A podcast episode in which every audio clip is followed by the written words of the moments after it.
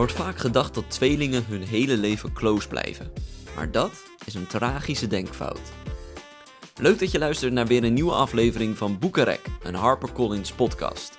Ik ben Sjors en in deze aflevering ga ik in gesprek met de auteur van de indrukwekkende roman De Dagen Samen, namelijk Marco van Houwelingen. Zeven jaar geleden kwam er een droom van Marco uit toen hij zijn eerste boek lanceerde. Dit leek het begin te worden van zijn leven als schrijver, maar na de lancering kreeg Marco een baan aangeboden die hem over de hele wereld zou leiden. Een heel groot avontuur natuurlijk, maar daardoor stond het schrijven even op een laag pitje. Tot hij bij de geboorte van zijn zoontje besloot de pen weer op te pakken en een verhaal begon te vertellen dat hem dicht bij het hart ligt. En dat werd De Dagen Samen. Vandaag verwelkom ik in de Boekenrek podcast de auteur van de nieuwe roman De Dagen Samen, Marco van Ouwelingen. Welkom. Dankjewel. Hoe, hoe is het? Ja, goed. Het is mijn eerste podcast, dus uh, ja, Kijk, we gaan we een, hebben een een- droom vervulling, zeg maar. We hebben een primeur. We hebben een primeur te pakken, ja. ja. Heel goed. En hoe, eh, hoe is het? eh, ja, we leven natuurlijk een beetje in een gekke tijd. eh, in de afgelopen half jaar, een nieuwe normaal. Eh, ben je ondertussen al een beetje gewend geraakt? Ehm, ja, ja, best wel. Ik, ik werk veel thuis Ehm, en, en dat bevalt op zich wel goed. Ehm, maar ja, eh, voor de rest is het natuurlijk in alles wennen. Eh, het, was, het was met name eh, toen corona echt uitbrak, om het zo maar te zeggen. Dat was rond de tijd dat mijn vriendin zou bevallen van onze, ons tweede kind, zeg maar. En ja, dat was toen wel even spannend. Want toen was ook de vraag van, kan ik bijvoorbeeld wel of niet bij de bevalling zijn? En dat was best wel een heftige periode in dat opzicht. Eh, en nu ja, eh, is het maar een beetje afwachten. Eh, bijvoorbeeld ook met de boekpresentatie kan het straks wel of niet doorgaan. Nou zijn er gelukkig ergere dingen. Als in, dan valt een boekpresentatie nogal mee vergeleken met wat, wat andere mensen te verduren krijgen in deze tijd. Maar ja, het, het is een beetje een tijd van onzekerheid voor allemaal natuurlijk. En Ja. ja. ja, echt wennen doet het nooit, moet ik zeggen. Nee, het is ook een beetje natuurlijk wat je zegt per maand kijken van wat gaat er nu weer gebeuren. Ja, ja, nou bijna per week is het nu natuurlijk. We zitten nu natuurlijk echt in, eh, in, in een fase, ja, dat het iedere, iedere week zie je het weer oplopen, eh, de cijfers. Eh, en ja, ik merk het ook wel aan mezelf. Dus ik, ik denk, ehm, wat, wat, wat veel mensen misschien ook wel een beetje herkennen, is dat ergens in de zomer, eind zomer, dan laat je zelf de teugels ook een beetje vieren. Niet dat je in één keer die, die regels niet meer gaat naleven, maar dan denk je, dan sta je er toch wat, wat, eh, wat losser in of zo. Je denkt, nou ja, we gaan weer de goede kant op, dus misschien kan ik weer eh, eh, wat vaker naar een verjaardag, waarbij we natuurlijk wel de regels in acht nemen. Maar ja, dat, dat vind ik nu weer spannender worden, merk ik. En ik merk bijvoorbeeld ook als ik naar de supermarkt ga, dat ik, dat ik voorheen was ik er wat minder mee bezig en liep ik gewoon met mijn boodschappenkarretje rond. En, en, en nu merk ik toch alweer van, ja, ik vind het toch weer wat minder prettig om daar tussen allemaal mensen rond te lopen. Dus ja, het, het, doet, het doet toch wel wat me- met je. Nou, en, en daarbij merk ik ook wel dat het nu, eh, als ik kijk naar de mensen om me heen, eh, of het nou kennissen, collega's, vrienden zijn, de meningen verschillen gewoon heel erg. En ik denk dat dat het grote verschil is met, eh, met ergens toen in maart, begin april. Toen was het allemaal alle neus in dezelfde richting, schouders eronder en we gaan dit virus verslaan. En nu roept voor mijn gevoel iedereen iets anders. En ik ben er ook nog niet helemaal over uit wat mijn eigen mening daarin is. Eh, omdat ik er gewoon, ja, ik ben geen eh, viroloog, dus ja, ik, ik, ik, ik weet niet wat, wat wel en niet klopt. Maar dat vind ik wel gek aan deze periode. Dat iedereen die, eh, die, die vindt wat anders. Wie moet je nu geloven, hè? Ja. Maar ben jij iemand die zich door al deze maatregelen en toch onduidelijkheden, dat je je ook wel bang kan, ja, op bang slash druk kan maken hierover, dat je toch niet lekker zit? Ja, dus ik had het met name eh, rond, rond de bevalling, wat ik net vertelde, van, van mijn vriendin. En hoe dat allemaal zou gaan. Ik heb het naar mezelf, moet ik zeggen, iets minder. Maar wel natuurlijk naar mijn, naar mijn ouders en naar de ouders van mijn vriendin. En ja, de, de, de risicogroepen, dat, daar, daar ben ik wel heel erg mee bezig, ja. Eh, en ik vind het dan ook, eh, bijvoorbeeld, we zijn naar, naar Frankrijk op vakantie geweest met, een, met een stel vrienden. En dat was in een heel groot huis waar we met z'n allen goed afstand van elkaar konden nemen. En dat was ten noorden van een gebied wat net oranje was eh, verklaard, om het zo maar te zeggen. Ja, en dan ga je toch afweging maken van ja, gaan we wel of niet. Ehm, het is in principe niet oranje, dus we kunnen gewoon gaan. Maar ja, dan, dus we zijn ook gegaan en het, was, we zaten in the middle of nowhere. Dus het was, eh, ja, er was niet zoveel eh, aan de hand verder daar. Maar toch, als je dan terugkomt in Nederland, ja, dan heb ik, dan heb ik toch liever dat ik even mijn ouders tien dagen niet zie. Ja, En Ja. dat heb ik nog steeds wel, ja. gewoon puur uit voorzorg. Puur uit voorzorg. Ja, ja. En dat ik toch, ja, je, wil het, ja, je moet er gewoon niet aan denken dat, je, dat ik mijn ouders zou besmetten. Of, uh, ja, dus eh, dan maar uit voorzorg even niet zien. Dat is niet, uh, niet heel gezellig, maar dan liever dat dan, uh, dan een verkeerde beslissing maken één keer. Ja, nou ja, begrijpelijk. Maar zijn er ook dingen in jouw leven die, zeg maar, in de positieve of negatieve zin zijn veranderd? Die je bijvoorbeeld de afgelopen maanden hebt gedaan die je daarvoor niet deed? Nou, heel stom dit, maar ik, als ik bij het begroeten van, van iemand kies ik altijd verkeerd. Oh. of ik geef of één zoen waar je, de twee, waar je de drie moet geven, of ik geef een hand terwijl iemand net van plan is om, om je één kus te geven. Dus je hebt eigenlijk een beetje, ja, bij het begroeten kan je drie kanten op eigenlijk en ik kies altijd de verkeerde, met name op mijn werk. Als ik dan uh, een, een, een, meeting heb met, uh, met, uh, met mensen voor wie ik werk en die ken je dan al wel wat beter, nou geef je dan een hand, nou, ik weet niet. Op een of andere manier gok ik altijd verkeerd, nou daar ben ik nu vanaf. ja, dat heeft alles makkelijk gemaakt. Alles makkelijk gemaakt. Dus als ik dan toch een lichtpuntje moet noemen, dan is dat. Dat ongemak is me nu ontnomen. Daar ben ik heel blij mee. Nee, maar zonder gekheid, kijk, dat is natuurlijk. Uiteindelijk is het natuurlijk een hele, een hele trieste periode. En uh, wat ik er dan zelf maar uithaal.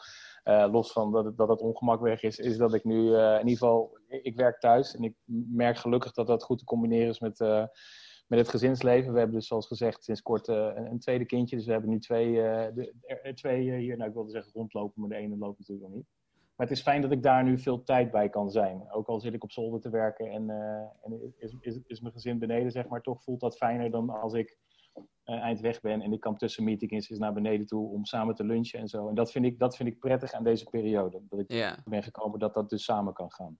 En dat is dan misschien ook wel iets dat, stel, dit wordt straks allemaal weer wat beter en we gaan naar een soort nieuw normaal toe. Is dat wel iets waar je dan des, desdanig veel waarde aan hecht dat je denkt, uh, laat het maar zo blijven?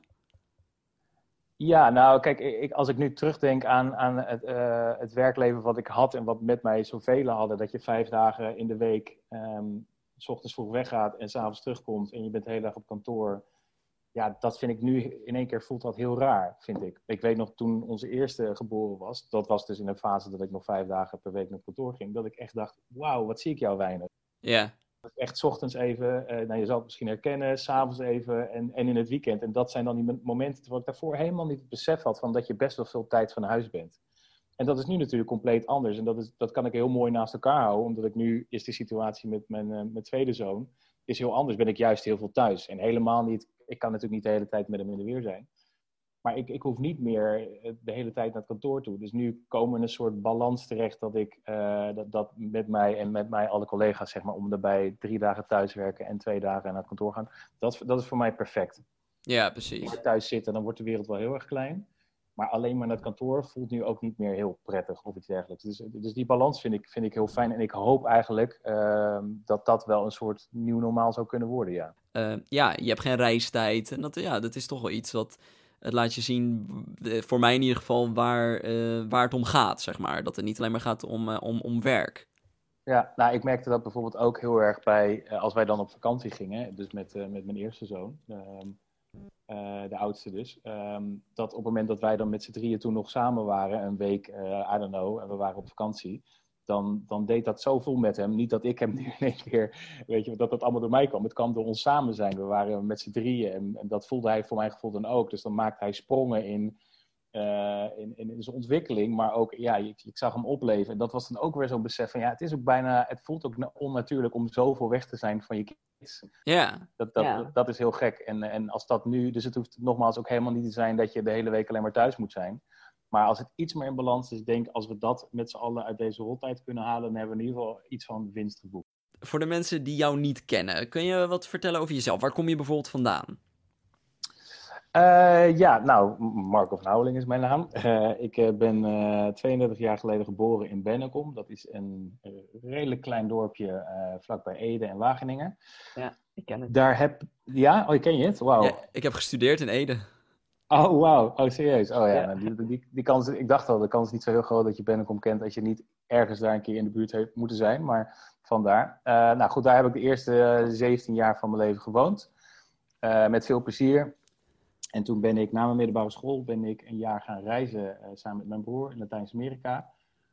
Uh, wat te gek was en een waanzinnige ervaring. En ook echt een ervaring die mij behoorlijk heeft gevormd. Ik denk dat ik uh, als jonge misschien nog wat nou, bleu, timide, I don't know. Maar in ieder geval niet heel erg op de voorgrond. Dat ben ik overigens nog steeds niet hoor. Alleen ik denk wel dat het ja, voor mijn ontwikkeling goed is geweest om na 17 jaar in een dorp te wonen. In één keer de wijde wereld in te trekken en, en uh, bijna, bijna, bijna een jaar lang door waanzinnige landen te mogen reizen en waanzinnige mensen te mogen leren kennen en culturen.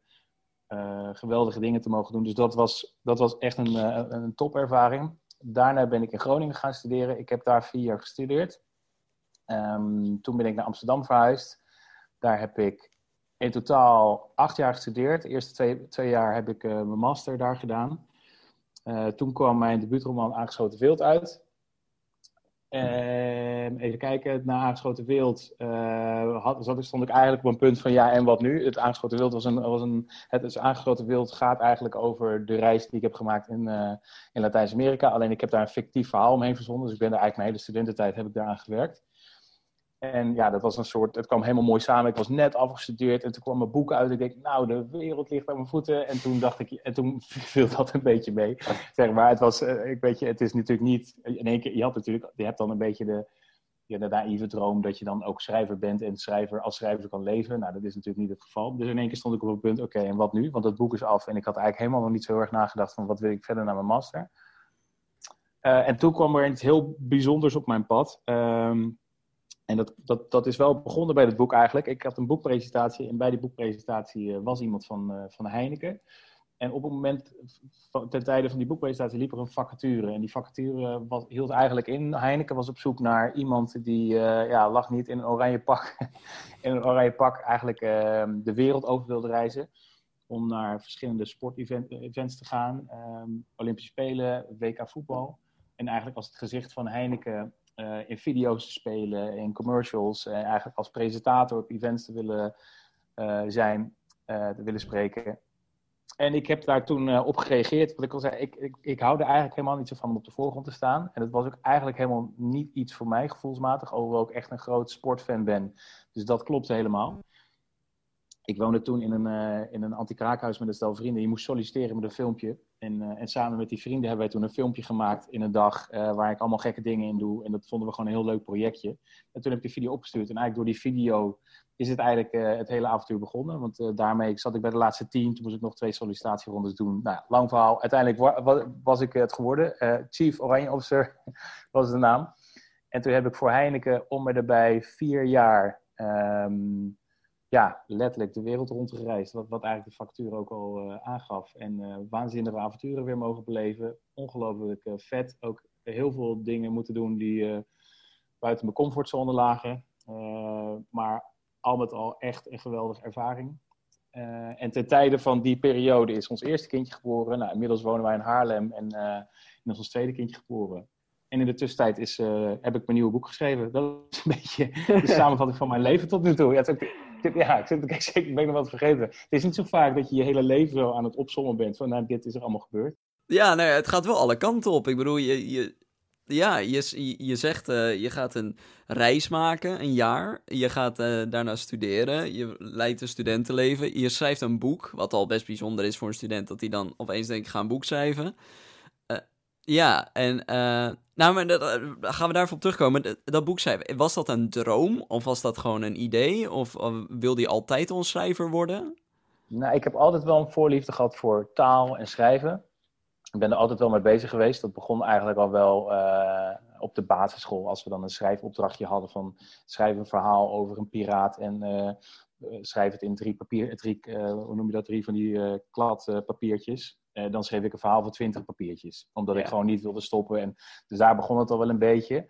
Toen heb ik het ook alweer een tijdje losgelaten. Uh, en toen had ik na die reis ontzettende behoefte om daar wat over te schrijven. Om daar iets mee te doen. Dat had zoveel indruk op mij gemaakt. Dus het begon eigenlijk als een reisverslag. Dag 1 deden we dat, dag 2 dat. Maar dat vond ik al heel snel eigenlijk niet zo heel interessant.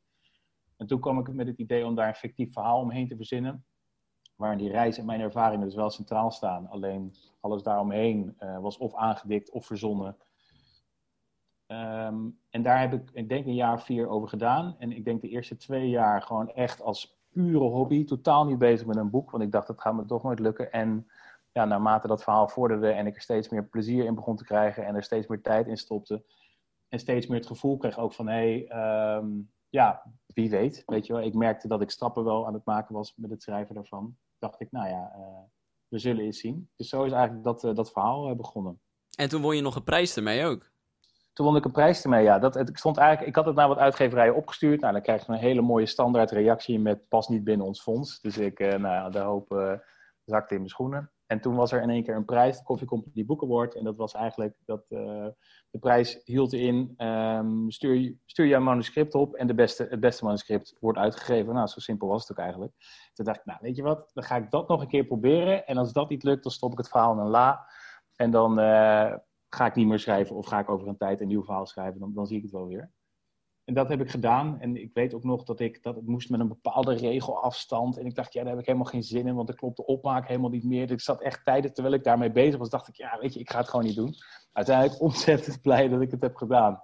Want uh, ja, daardoor, uh, ik, ik won uiteindelijk die award en daardoor werd het, uh, werd het uitgegeven. En toen was ik in had ik in één keer een boek en dat was wel echt iets wat ik die, die twee jaar daarvoor ongeveer, dat, misschien wel langer, twee, drie jaar daarvoor, dat was toen wel echt de droom geworden. Dus dat was echt stip op de horizon, punt op de horizon, waar ik naartoe aan het leven was van alles. Ik wilde echt zo graag dat het zou worden uitgegeven. Dat was toen al lang niet meer die hobby die het aanvankelijk was. Nee, en, maar dan, dan, dan uh, geef je het uit. Er komt een boekpresentatie. Daarvoor het komt uit uh, het hele Heineken-avontuur. Uh, is het toen een beetje weer weggezakt, dat, die, die droom? Nou, nee, de droom is nooit helemaal weggezakt. Maar ik zou je vertellen dat eigenlijk stiekem een van de redenen uiteindelijk was waarom ik uh, met dat Heineken, uh, nou ja, dat ik, dat ik uiteindelijk toch besloot om te solliciteren. Dat was omdat ik dacht, ja, misschien eh, levert het dan weer PR op. Of word ik daarmee een klein stukje bekender, wat dan misschien weer kan helpen bij mijn verhaal of bij misschien een volgend boek. Dus ik dacht echt, nou, dan ga ik in, in tijden van dat Heineken avontuur ga ik ook volgend boek schrijven. En uh, weet je, als dat dan uitkomt, dan misschien kennen mensen me en dan gaat het misschien harder dan bij mijn debuut. Nou, uiteindelijk is daar helemaal niks voor waargekomen. Want op een of andere manier viel dat niet te combineren. Het was zo'n achtbaan toen mijn leven, er gebeurde zoveel. Ik heb, toen wel, ik heb toen wel een verhaal geschreven, maar dat lukte niet. Uh, ik kwam er niet echt uit. Uh, eerst de uh, debuutroman uh, was echt grotendeels autobiografisch. Nogmaals, wel met een fictief verhaal. Maar er zaten heel veel autobiografische uh, elementen, stukken, verhaallijnen in. Um, en nu, de, ja, ik was, nu moest ik in één keer een boek schrijven. Ik had niet zo'n zin om weer iets over mezelf te schrijven of iets waar ik mezelf in terug herkende. Dus ik moest in één keer een volledig fictief verhaal gaan verzinnen. Ik merkte dat, daar, dat, het, dat, dat, me, dat vond ik lastig opeens. Daar was je gewoon op dat moment gewoon niet. Ja, terugkijkend, nee. Ja, het, ik, ik, kan niet echt de, vinger op de zere plek leggen waar, waarom dat toen op dat moment in mijn leven niet lukte. Maar ik, ik heb toen best wel, uh, ik denk uiteindelijk wel twee jaar aan een verhaal gewerkt. Maar het lukte niet. Ik was ook onzeker geworden. Zeg maar de, de frivoliteit en de, ja, bijna de losbandigheid van het schrijven. Wat je, wat je bij je debuut hebt. Um, waarbij ik gewoon op mijn studentenkamer achter mijn computer was ik toen nog gewoon zat te typen. En niemand hoefde te lezen. Het was alleen voor mij. En in één keer was daar wel die droom te komen. Maar ik was helemaal niet bezig met dat het een boek zou worden. Dus ik was ook helemaal niet bezig met kaders of met uh, uh, wat wel of niet hoort in een boek. Uh, en in één keer kwam er, was het boek uitgekomen en toen moest ik een volgend verhaal gaan schrijven. Toen dacht ik, ja, maar dit wordt een boek. Dit gaan mensen lezen en hier gaan dus mensen wat van vinden. En daardoor raakte ik een beetje op slot. Ja. En toen heb ik echt even wel pauze moeten nemen om dat gevoel van dat eerste boek, wat ik toen had, om dat weer terug te krijgen. Ja. En nu zijn er dus een aantal jaar voorbij. En nu kom je met De Dagen Samen. Een boek over twee, ja, over twee, over twee broers. Uh, maar ook een boek over best wel wat heftige onderwerpen. Uh, bijvoorbeeld uh, onvruchtbaarheid bij mannen. wat, wat heeft jou gebracht bij dit onderwerp? Um, er zijn een aantal gevallen in, in, in mijn omgeving van mannen die onvruchtbaar zijn. en ik heb dus kunnen zien en kunnen uh, voelen bijna wat dat met hun doet en heeft gedaan. En dat raakte mij enorm. Um, en het zorgde er ook voor dat ik me er meer in ging verdiepen. En er daardoor ook achter kwam dat, uh, dat er nog zo bar weinig over verteld wordt. Over mannelijke onvruchtbaarheid. Dus er zijn natuurlijk best wel wat verhalen, films, series. Handmaid's Tale is natuurlijk een mooi voorbeeld over. Hoewel dat dan, dat is weer een dystopische wereld. En nou ja, goed, dat heeft weer meer daarmee te maken. Maar uiteindelijk is dat, is dat ook een belangrijk thema in die serie, onvruchtbaarheid. Maar dat is weer gekoppeld aan vrouwen. En dat is wat ik eigenlijk steeds tegenkwam. Dus gaat het over onvruchtbaarheid, is het altijd uh, vrouwelijke onvruchtbaarheid. Terwijl uiteindelijk de helft van alle gevallen waardoor stellen geen kinderen kunnen krijgen, als het met onvruchtbaarheid te maken heeft, heeft de helft van de gevallen komt door mannelijke onvruchtbaarheid. Dus dat vond ik een gekke discrepantie. Ehm, en toen dacht ik, dat was toen meteen van, oké, dat moet een belangrijk thema zijn in een boek. Ik wil daar graag een verhaal omheen vertellen. En, en zeg maar wat ik heb kunnen zien bij, uh, bij de mannen in mijn omgeving, dat wil ik terugstoppen in dat verhaal. Ehm, dus dat was eigenlijk een van de startpunten van, van, van, van de dagen samen, ja. Het is dus niet zozeer gebaseerd op één iemand, maar meer een, een mix van verschillende verhalen die je hebt gehoord. Klopt, ja. Ja, ja dus niet dat één iemand echt, uh, dat, dat één iemand uh, de persoon is over die, nou, wiens ervaringen uh, ik heb opgeschreven. Het gaat, gaat eigenlijk een combinatie van meerdere personen, ja. Ja, precies. En dan, dan heb je dit onderwerp en dan wat best wel gewoon, er, er rust denk ik wel een soort taboe op. omdat er wordt heel weinig over gesproken natuurlijk. Ehm, waarom, eh, ja, hoe zet je dan zelf die stap? Dat je denkt van, nou, ik pak zo'n gevoelig onderwerp, want het is ook wel iets waarvan je, um, om er meer over te weten, mensen, je komt wel heel dichtbij mensen. Uh, het, hoe, hoe is het dan om dat dan toch in een fictief verhaal te gieten? Ja, het is denk ik de combinatie van mannelijke onvruchtbaarheid, uh, dus gecombineerd met de, een intense uh, kinderwens, een intense behoefte om eh, zwanger te raken. En dat is iets wat, eh, wat ik bij veel meer mensen om me heen zie eh, stellen. Ehm, bij wie het om wat voor reden niet lukt, of die er heel lang over doen. Of, en dat, dat vind ik echt, echt opvallend. Omdat voor, als ik naar mezelf kijk, voor mij was altijd kinderen krijgen toen ik een stuk jonger was. Dat was, dat was een vanzelfsprekendheid.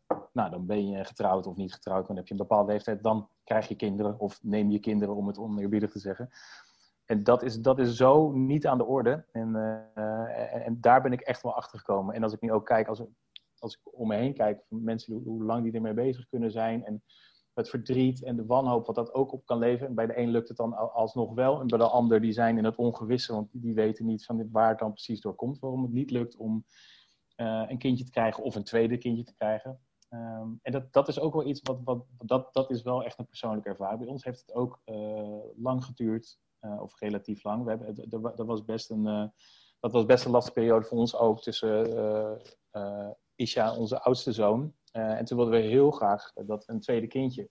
En dat was, dat was best wel een heftig traject, is dat uiteindelijk geworden. En ook die ervaring heb ik, heb ik in de dagen samen verwerkt.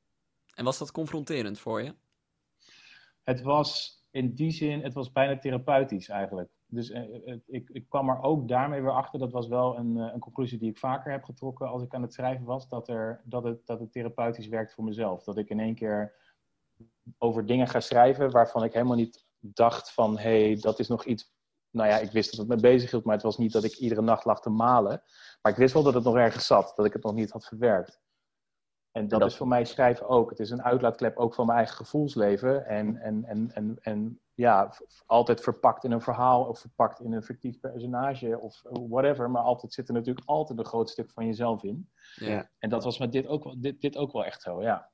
En is het uh, daarom wel moeilijk misschien voor je dat het boek nu daadwerkelijk uitgegeven gaat worden?